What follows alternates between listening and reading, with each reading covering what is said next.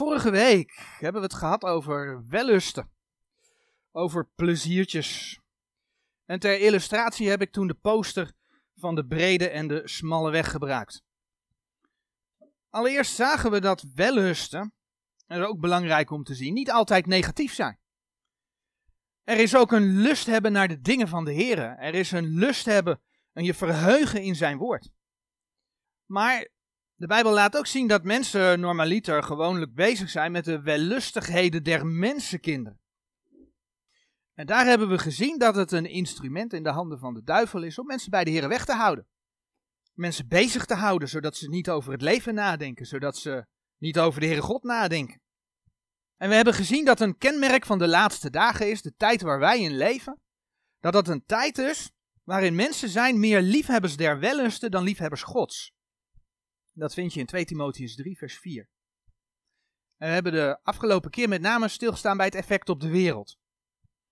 een, een, wereld die bezig gehouden wordt met eten, met drinken, met blij zijn. Want dat is ongeveer waar het op neerkomt. Eten, drinken, blij zijn. Wanneer gaan we weer barbecuen?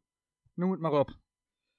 Ja, en daardoor niet nadenken, niet na willen denken ook, over God dat er een God is. En afgelopen weken kwam ik een tekst tegen in Psalm 10, vers 4.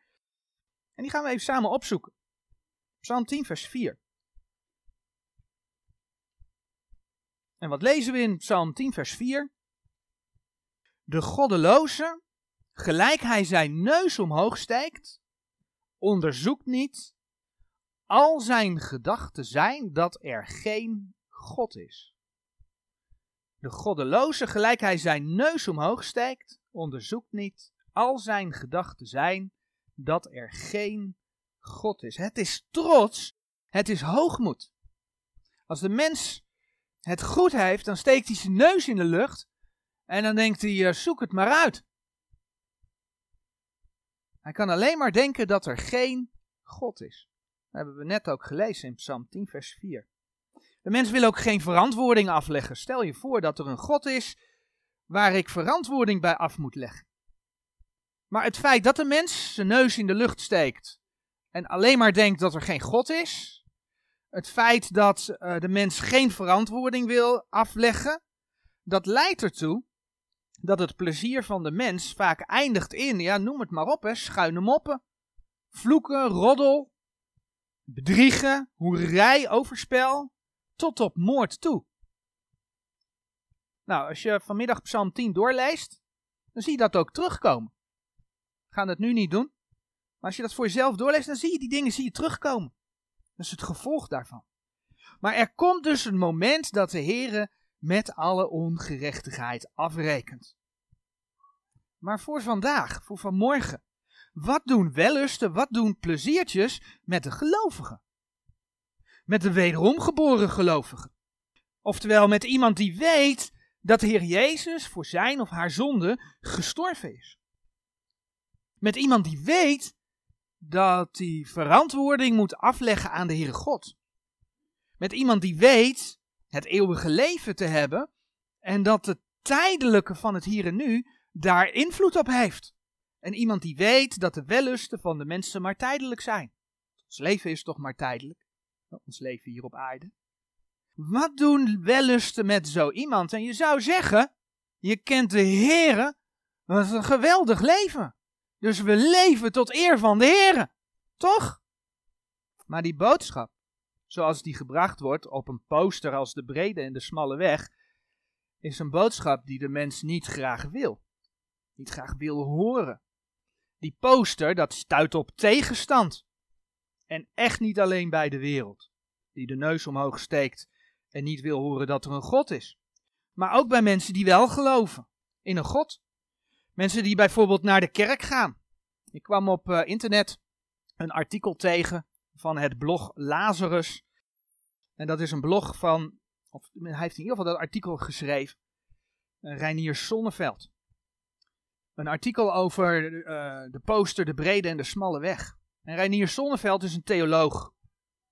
En Reinier Sonneveld is onder andere bekend als presentator van sommige EO-programma's.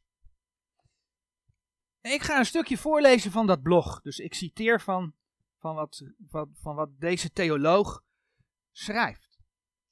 Hing vroeger op de gang bij een vriend van. Dat gaat dus over die poster. Hing vroeger op de gang bij een vriend van. Links allemaal toffe dingen.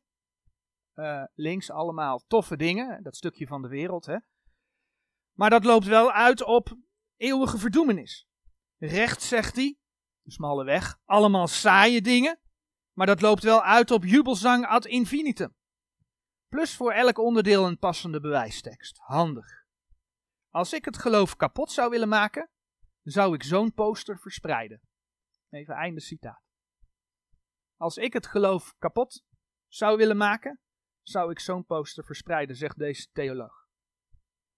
Nou, die theoloog gaat verder in zijn blog en dan legt hij uit dat die poster van de brede en de smalle weg niets te maken heeft met de gelijkenis die de Jezus vertelt in Matthäus 7, vers 13 en 14. En ook niets te maken heeft met iets na de dood. Welkom hè, in artikelen uit 2016, maar zo wordt er veel al gedacht. Welkom in 2021. Heeft niets te maken met iets na de dood. En dan volgt nog, en ik citeer dus weer een stukje. Oftewel, Jezus zegt dat veel mensen voor de hand liggende oplossingen kiezen en daarmee hun leven kapot maken. Maar als je verder zoekt, kun je bloeien. Wellicht eeuwig, maar dat is het punt niet. Deze poster moedigt je aan al je intuïties volledig te wantrouwen. Alles wat jij aanvoelt als prettig of juist onprettig, daar kun je nooit van op aan. Einde citaat. Hier zien we een theoloog aan het woord die op Wikipedia gematigd orthodox genoemd wordt, waarmee ze dus willen aangeven. Ja, het is Wikipedia die het zegt, dat weet ik. Maar waarmee ze willen aangeven dat deze, mens toch, deze, deze man toch wel enigszins aan het geloof vasthoudt. Maar wat zien we dan gebeuren?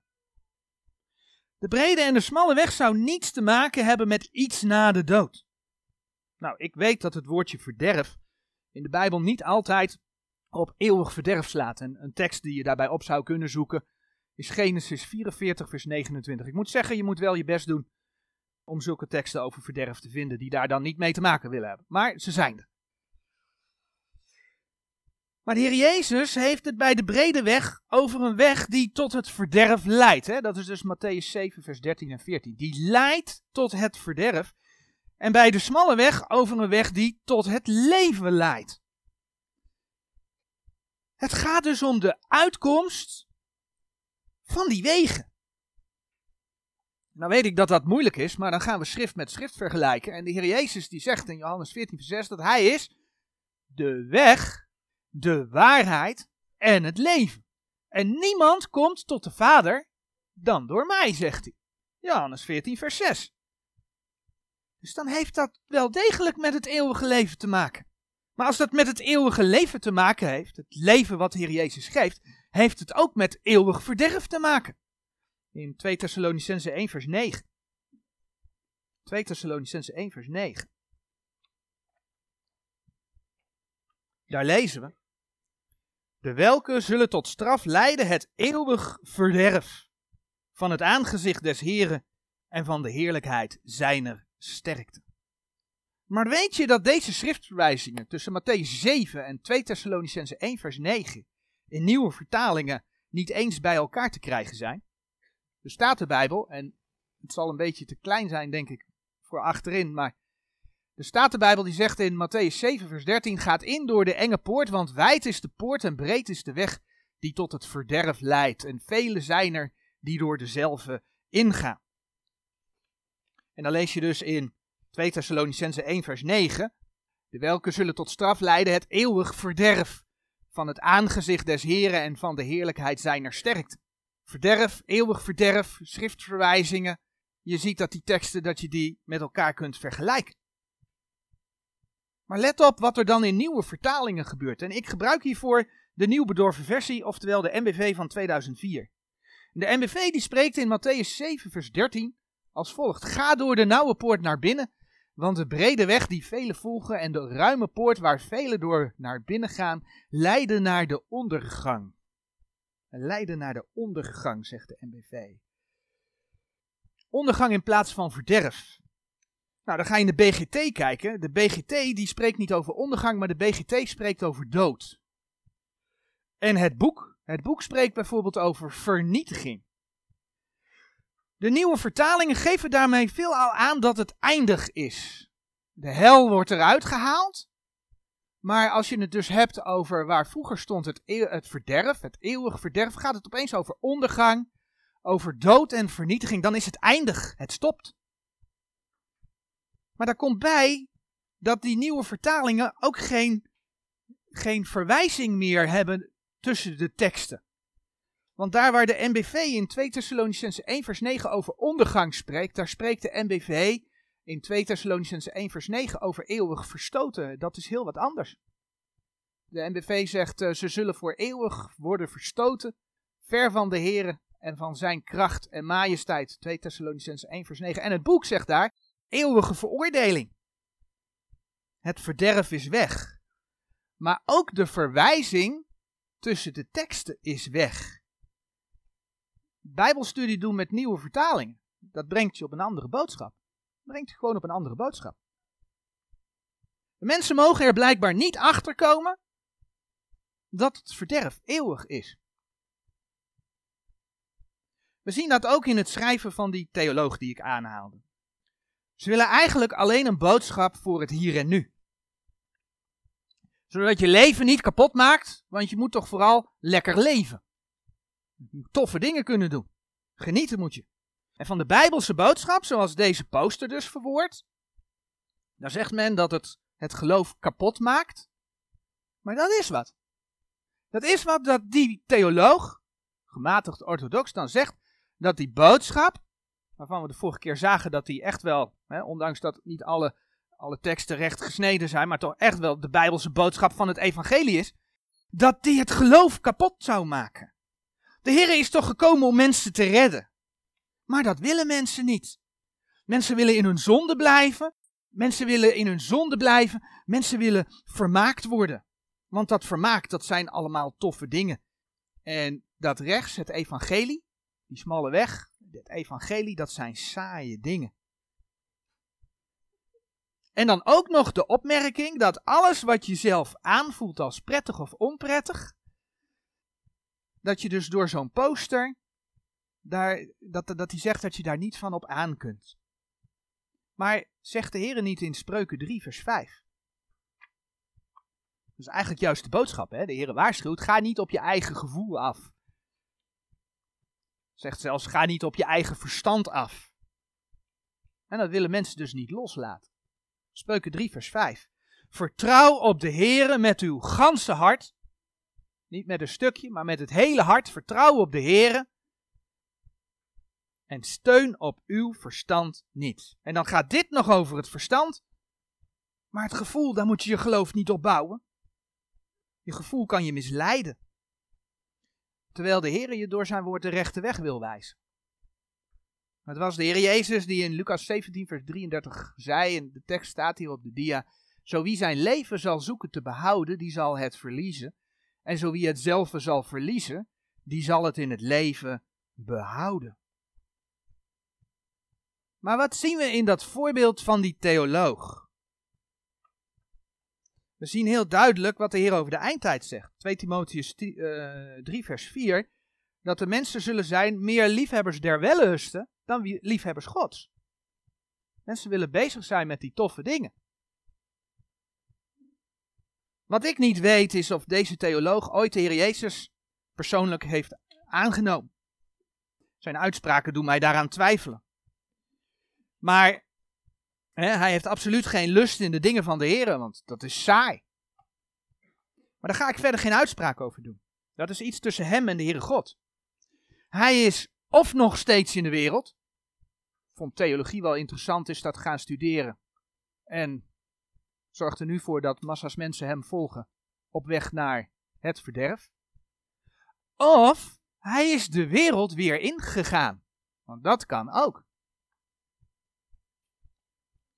Want wat ik vorige keer kort noemde, is dat het uh, ja, een evangelische plaat is met een evangelische boodschap. Maar er mist wel iets, en dat is dat de wereld aantrekkingskracht heeft op de gelovigen. Het zijn twee gescheiden wegen. Ze komen bij elkaar omdat ze proberen mensen van de brede op de smalle weg te krijgen. Maar je kunt dus ook als gelovige van de smalle naar de brede weg gaan. Die wereld heeft aantrekkingskracht. Onder andere omdat we ons vlees hebben. Nou, een voorbeeld in Gods woord vinden we in Demas. Over Demas staat niet zo heel veel geschreven. Maar in de afsluiting van de Colossensebrief, in de afsluiting van de Colossensebrief, Colossense 4, vers 14, daar komen we zijn naam tegen. En daar lezen we, Colossense 4, vers 14.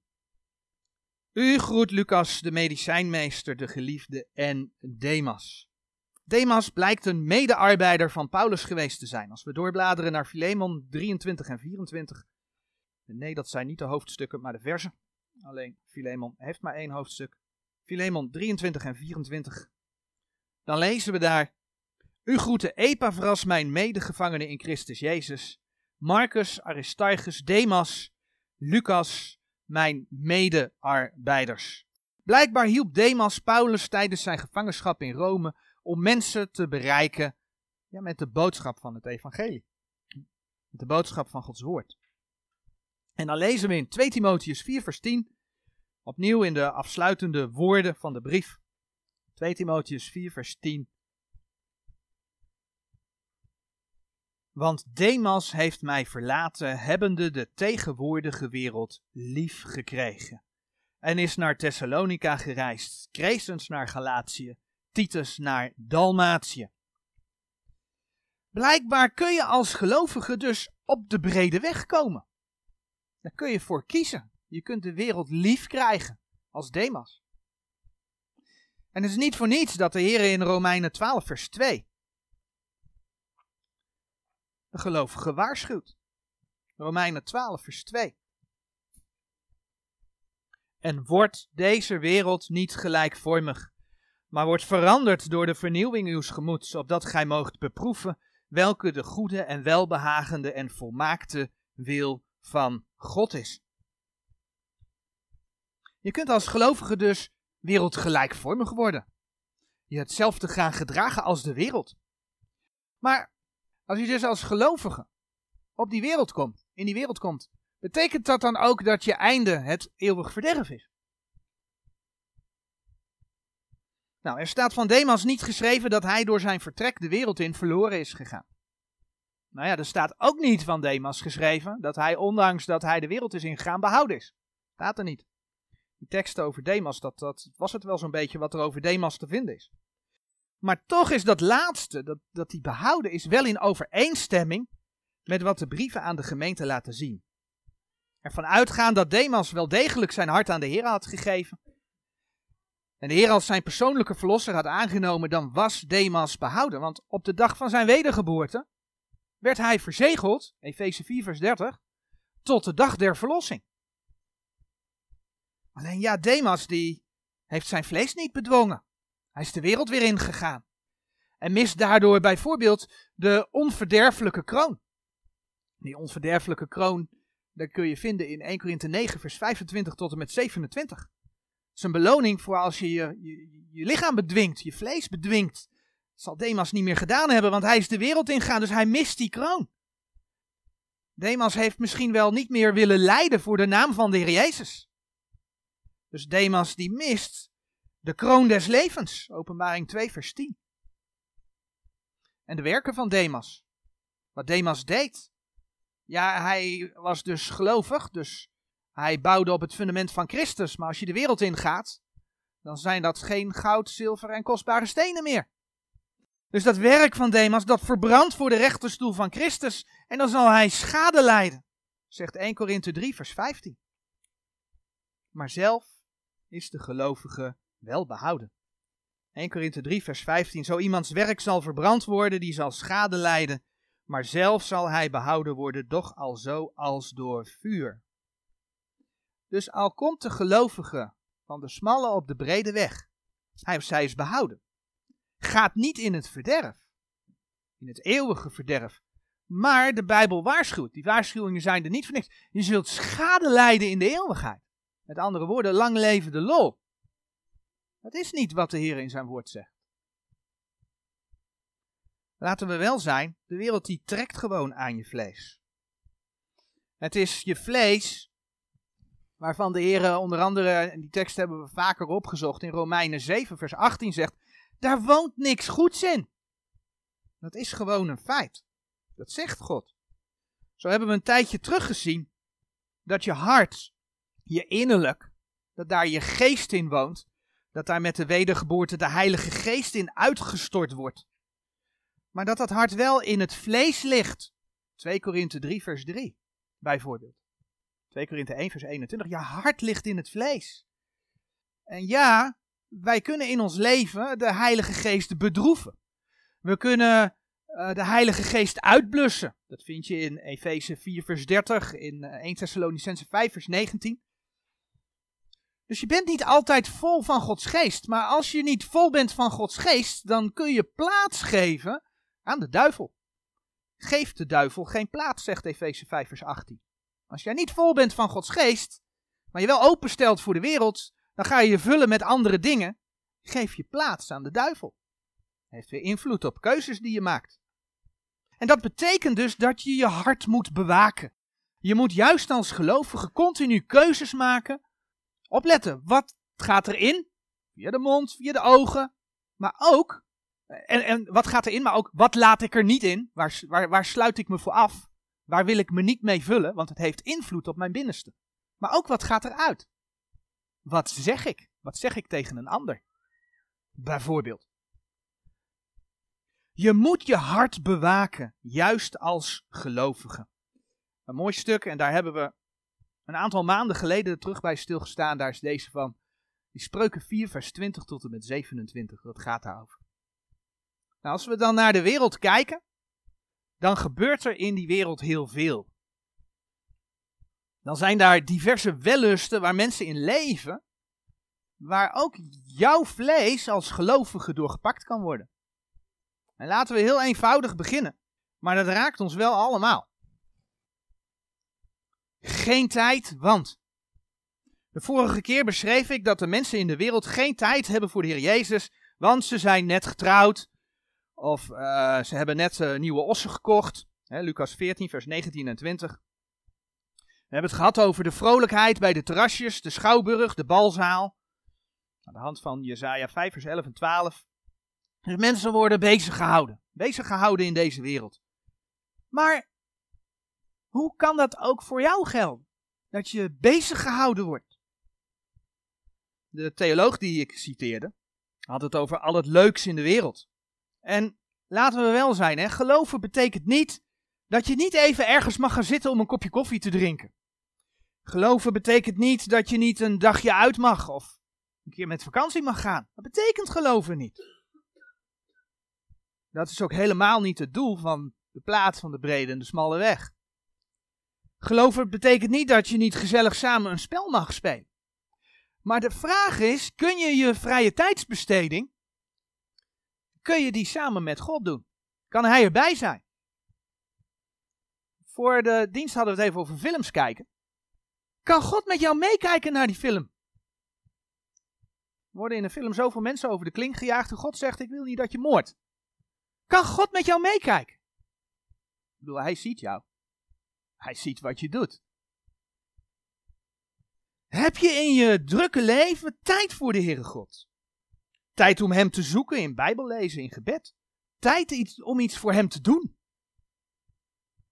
En wat als je iets nieuws hebt gekregen, ga je dan eerst met dat nieuws aan de gang? We blijven allemaal mensen. Ga je dan eerst met dat nieuws aan de gang? Of ga je net als anders toch eerst even Gods woord lezen? Want dat had ik anders ook gedaan. Of als je een dagje uitgaat of met vakantie gaat, lees je dan ook eerst Gods woord? Zoals je dat anders ook deed? Of, oh jongens, moeten pakken, snel, moeten weg. Ben je door pleziertjes makkelijk af te leiden van de dingen van de Heere God? Vergeet je dan zelfs waar het om gaat? Ga je grenzen over? Grenzen over waarvan je eigenlijk weet, God zegt in zijn woord. Wat of wie, want dat is eigenlijk de vraag, wat of wie komt er bij jou op de eerste plaats? Het plezier of de Heere? En als je dan in Psalm 5 vers 4 kijkt, we hadden het net over het Bijbellezen, doe ik dat wel? David die zegt zo mooi in Psalm 5 vers 4. Psalm 5 vers 4. Des morgens, heren, zult gij mijn stem horen. Des morgens zal ik mij tot u schikken en wacht houden. Doe je dat ook? Ja, en bij al die wereldse gezelligheid, daar hoort muziek bij. Ja, wees eerlijk, muziek hoor je overal. In de winkel, op straat, als er een feestje is. Muziek is voor mensen is, is heel belangrijk. En ook daar geldt, daar zitten twee kanten aan. Ja, de Heer heeft muziek gegeven. Dat zie je bijvoorbeeld in de, in de tempeldienst van het Oude Testament, als je 2 Kronieken 5 vers 13 opzoekt. 2 Kronieken 5 vers 13. Dan lees je daar. Het geschiedde dan als zij eenpariglijk trompetten en zongen om een eenparige stem te laten horen, prijzende en lovende de Heere. En als zij de stem verhieven met trompetten en met cymbalen en andere muzikale instrumenten. En als zij de Heere prezen dat Hij goed is, dat Zijn weldadigheid is tot in eeuwigheid, dat het huis met een wolk vervuld werd, namelijk het huis des Heren. We zien zang, we zien muziek, muziekinstrumenten is niet dat de Heer dat verbiedt. We zien dat de Heer zingen geeft als een vorm van verkondiging in de gemeente. Kijk maar in Colossense 3, vers 16.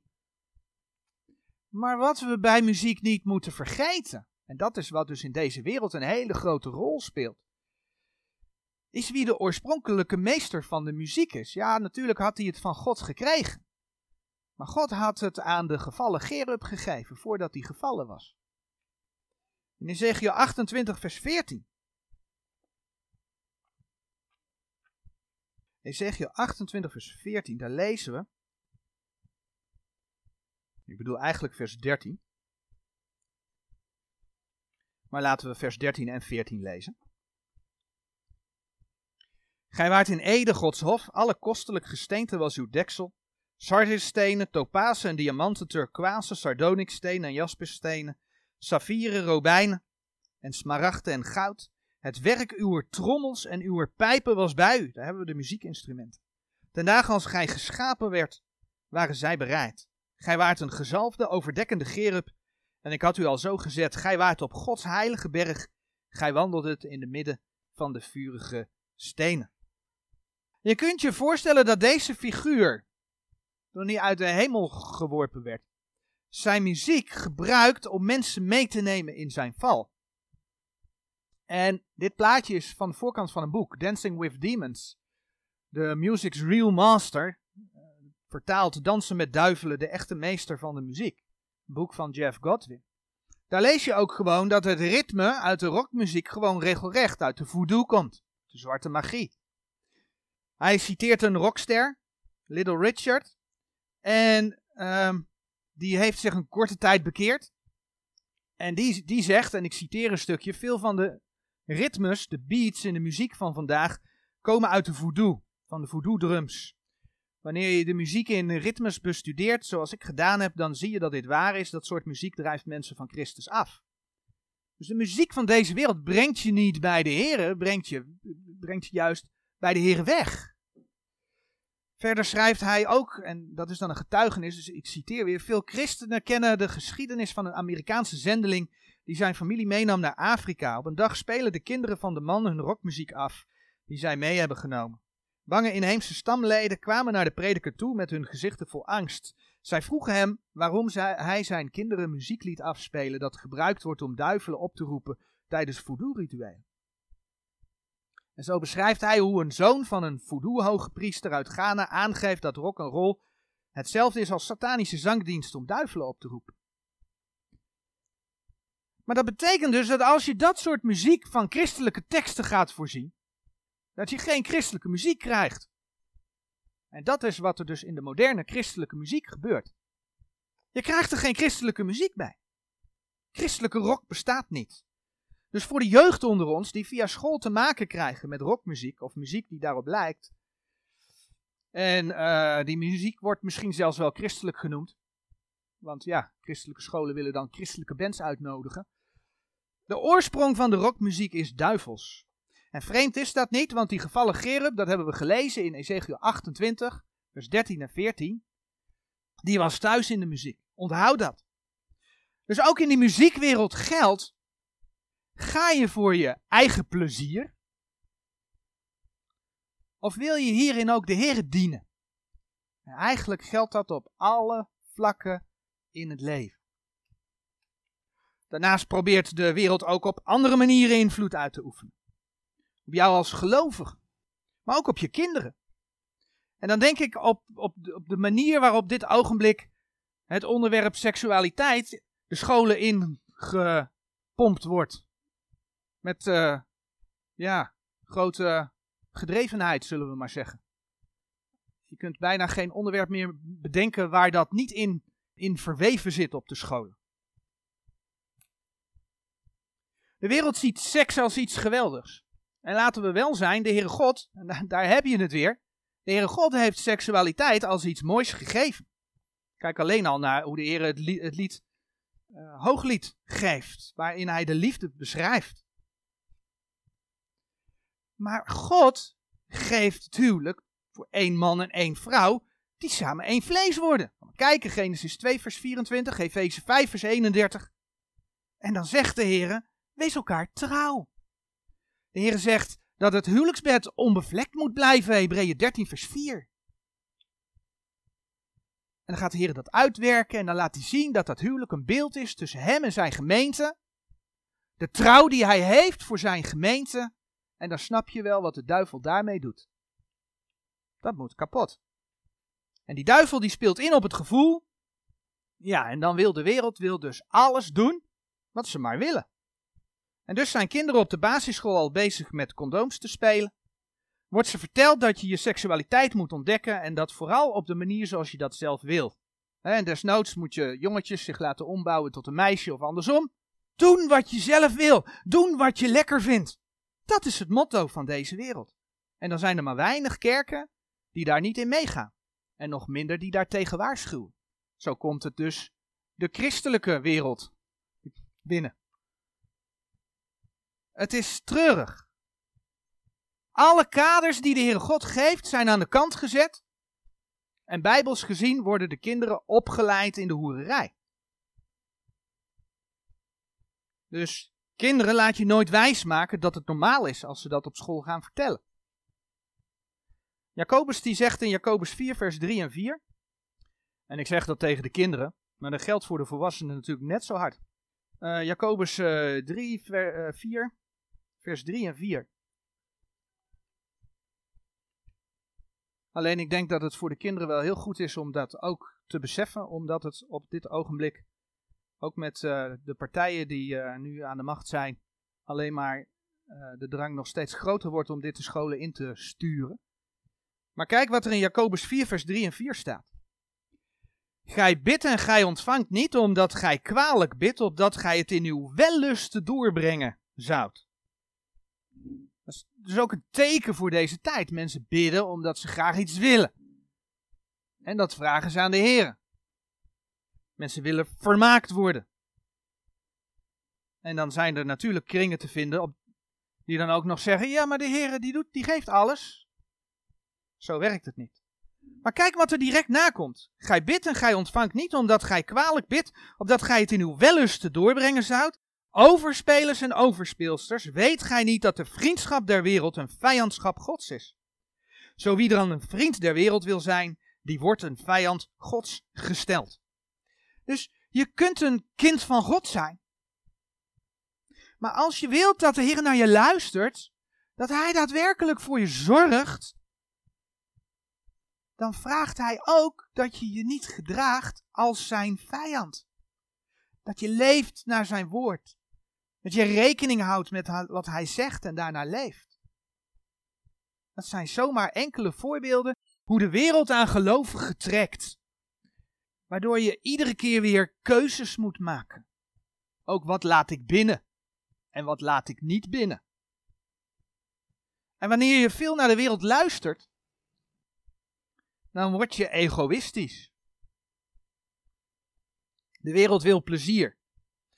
De wereld zegt ook, het draait allemaal om jou. En dat egoïsme zie je ook in die andere punten terugkomen. Hè? Seksualiteit, het draait allemaal om jou. Jij doet wat jij wil. Tijdsbesteding, ik ga toch doen wat ik wil? Hoef geen rekening te houden met die ander. En met God hou ik helemaal geen rekening. Neus in de lucht. Egoïsme komt daar allemaal in terug. Maar als je veel naar de wereld luistert, dan word je egoïstisch. Want de wereld wil plezier. Volgens de evolutieleer overwint het recht van de sterkste natuurlijke selectie heeft gezorgd dat jij hier nu bent. Jij bent er nu. En jij moet dus vooral doen wat jij wilt. Dat is wat evolutie leert, overlevingsstrijd. Ja, en als je dat dus doortrekt, ligt daar ook de bron van de emancipatie. De vrouw die gelijke rechten wil hebben aan de man. Oh, dus jij? Nee, de Heer zegt in zijn woord: niet dat de een meer is dan de ander of de ander de een minder is dan de ander. Zegt hij helemaal nergens. Maar hij geeft wel een rolverdeling. Hij zegt wel, de man is het hoofd van het gezin. De man is het hoofd van de vrouw, daarmee ook het hoofd van het gezin. Efeze 5 vers 23. En daarom leert de Heer dat je uit liefde moet wegcijferen. Nee, en dat geldt niet alleen voor de vrouw die onderdanig moet zijn aan de man. Efeze 5 vers 22, dat geldt ook voor de man die zijn leven voor zijn vrouw moet geven, zoals Christus dat voor zijn gemeente gedaan heeft. De wereld kent dat niet. En dat is dus wat we lezen, dan bladeren we naar 2 Timotheus. Want we lezen in de context van 2 Timotheus 3, vers 4. 2 Timotheus 3, vers 4 zegt. 2 Timotheus 3, vers 4 zegt dus het, laatste deel: meer dat de mensen zullen zijn, meer liefhebbers der wellust dan liefhebbers Gods. En kijk dan wat er in vers 2 staat. Want de mensen zullen zijn liefhebbers van zichzelf. Geldgierig, laatdunkend, hoofdvaardig, lasteraars, de ouders ongehoorzaam, ondankbaar, onheilig, etc. Maar het begint met, de mensen zullen zijn liefhebbers van zichzelf. En daarom willen ze dat alles om zichzelf draait. En willen ze vermaakt worden, willen ze plezier hebben. Daar past geen God in die verantwoording vraagt. Ja, en dat zien we dan ook bij zo'n theoloog die ik aangehaald heb. Iemand die de wereld weer ingaat. Laten we het daar even op houden. Die gaat ontkennen dat er eeuwig verderf is. Die is niet vervuld van de geest. Dus die gaat ook niet zeggen wat er in Gods woord staat. Die gaat ontkennen dat er eeuwig verderf is. En die gaat uh, ontkennen dat de oorzaak van het feit dat mensen dat verderf ingaat, ligt in het feit dat ze afgeleid worden door hun wellusten. Dat ze bezig gehouden worden. Dan gaan ze vertellen dat God juist wil dat je je vermaakt. Dat je het fijn hebt op deze aarde. Dat je veel plezier maakt. Dat je toffe dingen gaat doen. En zo zie je hoe de boodschap van Gods woord omgedraaid wordt. En zo zie je hoe egoïsme, emancipatie en vrouwelijke voorgangers. Ja, ik bedoel, allemaal gelijk bent, dan moet de vrouw kunnen voorgaan. God zegt, wil ik niet. Dat dat de kerken inkomt. En dat maakt dan, en dan bladeren we naar Openbaring 3, vers 17, dat gelovigen in de eindtijd denken rijk te zijn. Maar ze zijn het niet, zegt de Heer. tegen Laodicea zegt de Heer heel gewoon dat ze arm zijn. Want gij zegt, ik ben rijk en verrijkt geworden. Dat is dus wat de gemeente zegt. En hebt geen dings gebreks. En gij weet niet dat gij zijt ellendig en jammerlijk en arm en blind en naakt. We hebben een aantal dingen gezien waarop het vlees ook aan de gelovigen kan trekken. Tijd, keuzes die we maken, muziek, seksualiteit, egoïsme. En zo zijn er nog wel meer voorbeelden te bedenken. Voorbeelden waarin we zien dat het vlees trekt tegenover ook wat de Heere zegt. Wat de Heere wil. En dat vinden we in 1 Thessalonicense 4 vers 1, is dat je hem lief hebt, dat je voor hem leeft. En als je voor hem leeft, wil hij er ook voor jou zijn. Mensen draaien dat vaak om. Als er een God van liefde is, dan zou. Nee, maar jij wilt toch niks met die God van liefde te maken hebben? En zo is het eigenlijk dus ook in het leven van de gelovigen. Als jij tot geloof gekomen bent, maar God eigenlijk de rug toekeert in je, in je moet je niet verwachten dat hij je gebeden verhoort. Hij wil er zijn voor jou als kind van God. Geef jij je leven ook aan hem. Niet alleen dat je Jezus Christus hebt aangenomen, maar dat je ook tot eer van hem leeft. En dan mag je hier zijn zegen ervaren. Ik wil niet zeggen dat het altijd makkelijk is, maar hij wil je helpen, hij wil je leiden. Maar het geeft ook vrucht in het eeuwige leven. In 1 Thessalonicense 4 vers 1, de tekst die staat hier op de dia. Daar staat voorts dan, broeders, wij bidden en vermanen u in de Heer Jezus, gelijk gij van ons ontvangen hebt, hoe gij moet wandelen en goden behagen, dat gij daarin meer overvloedig wordt. En ik wil dan afsluiten met, uh, met een aantal versen uit Titus, Titus hoofdstuk 2. vlak voor Hebreeën. Titus, Philemon, Hebreeën, Titus hoofdstuk 2. En dan lezen we de versen 11 tot en met 15 als afsluiting. Want de zaligmakende genade Gods is verschenen aan alle mensen. En onderwijst ons dat wij de goddeloosheid en de wereldse begeerlijkheden verzakende, dat we dat dus nalaten, die wereldse begeerlijkheden, matiglijk en rechtvaardiglijk en godzaliglijk leven zouden in deze tegenwoordige wereld. Verwachtende de zalige hoop en verschijning der heerlijkheid van de grote God en onze zaligmaker Jezus Christus, die zichzelf voor ons gegeven heeft, opdat Hij ons zou verlossen van alle ongerechtigheid en zichzelf een eigen volk zou reinigen, ijverig in goede werken. Spreek dit en vermaan en bestraf met alle ernst dat niemand u verachte. Amen.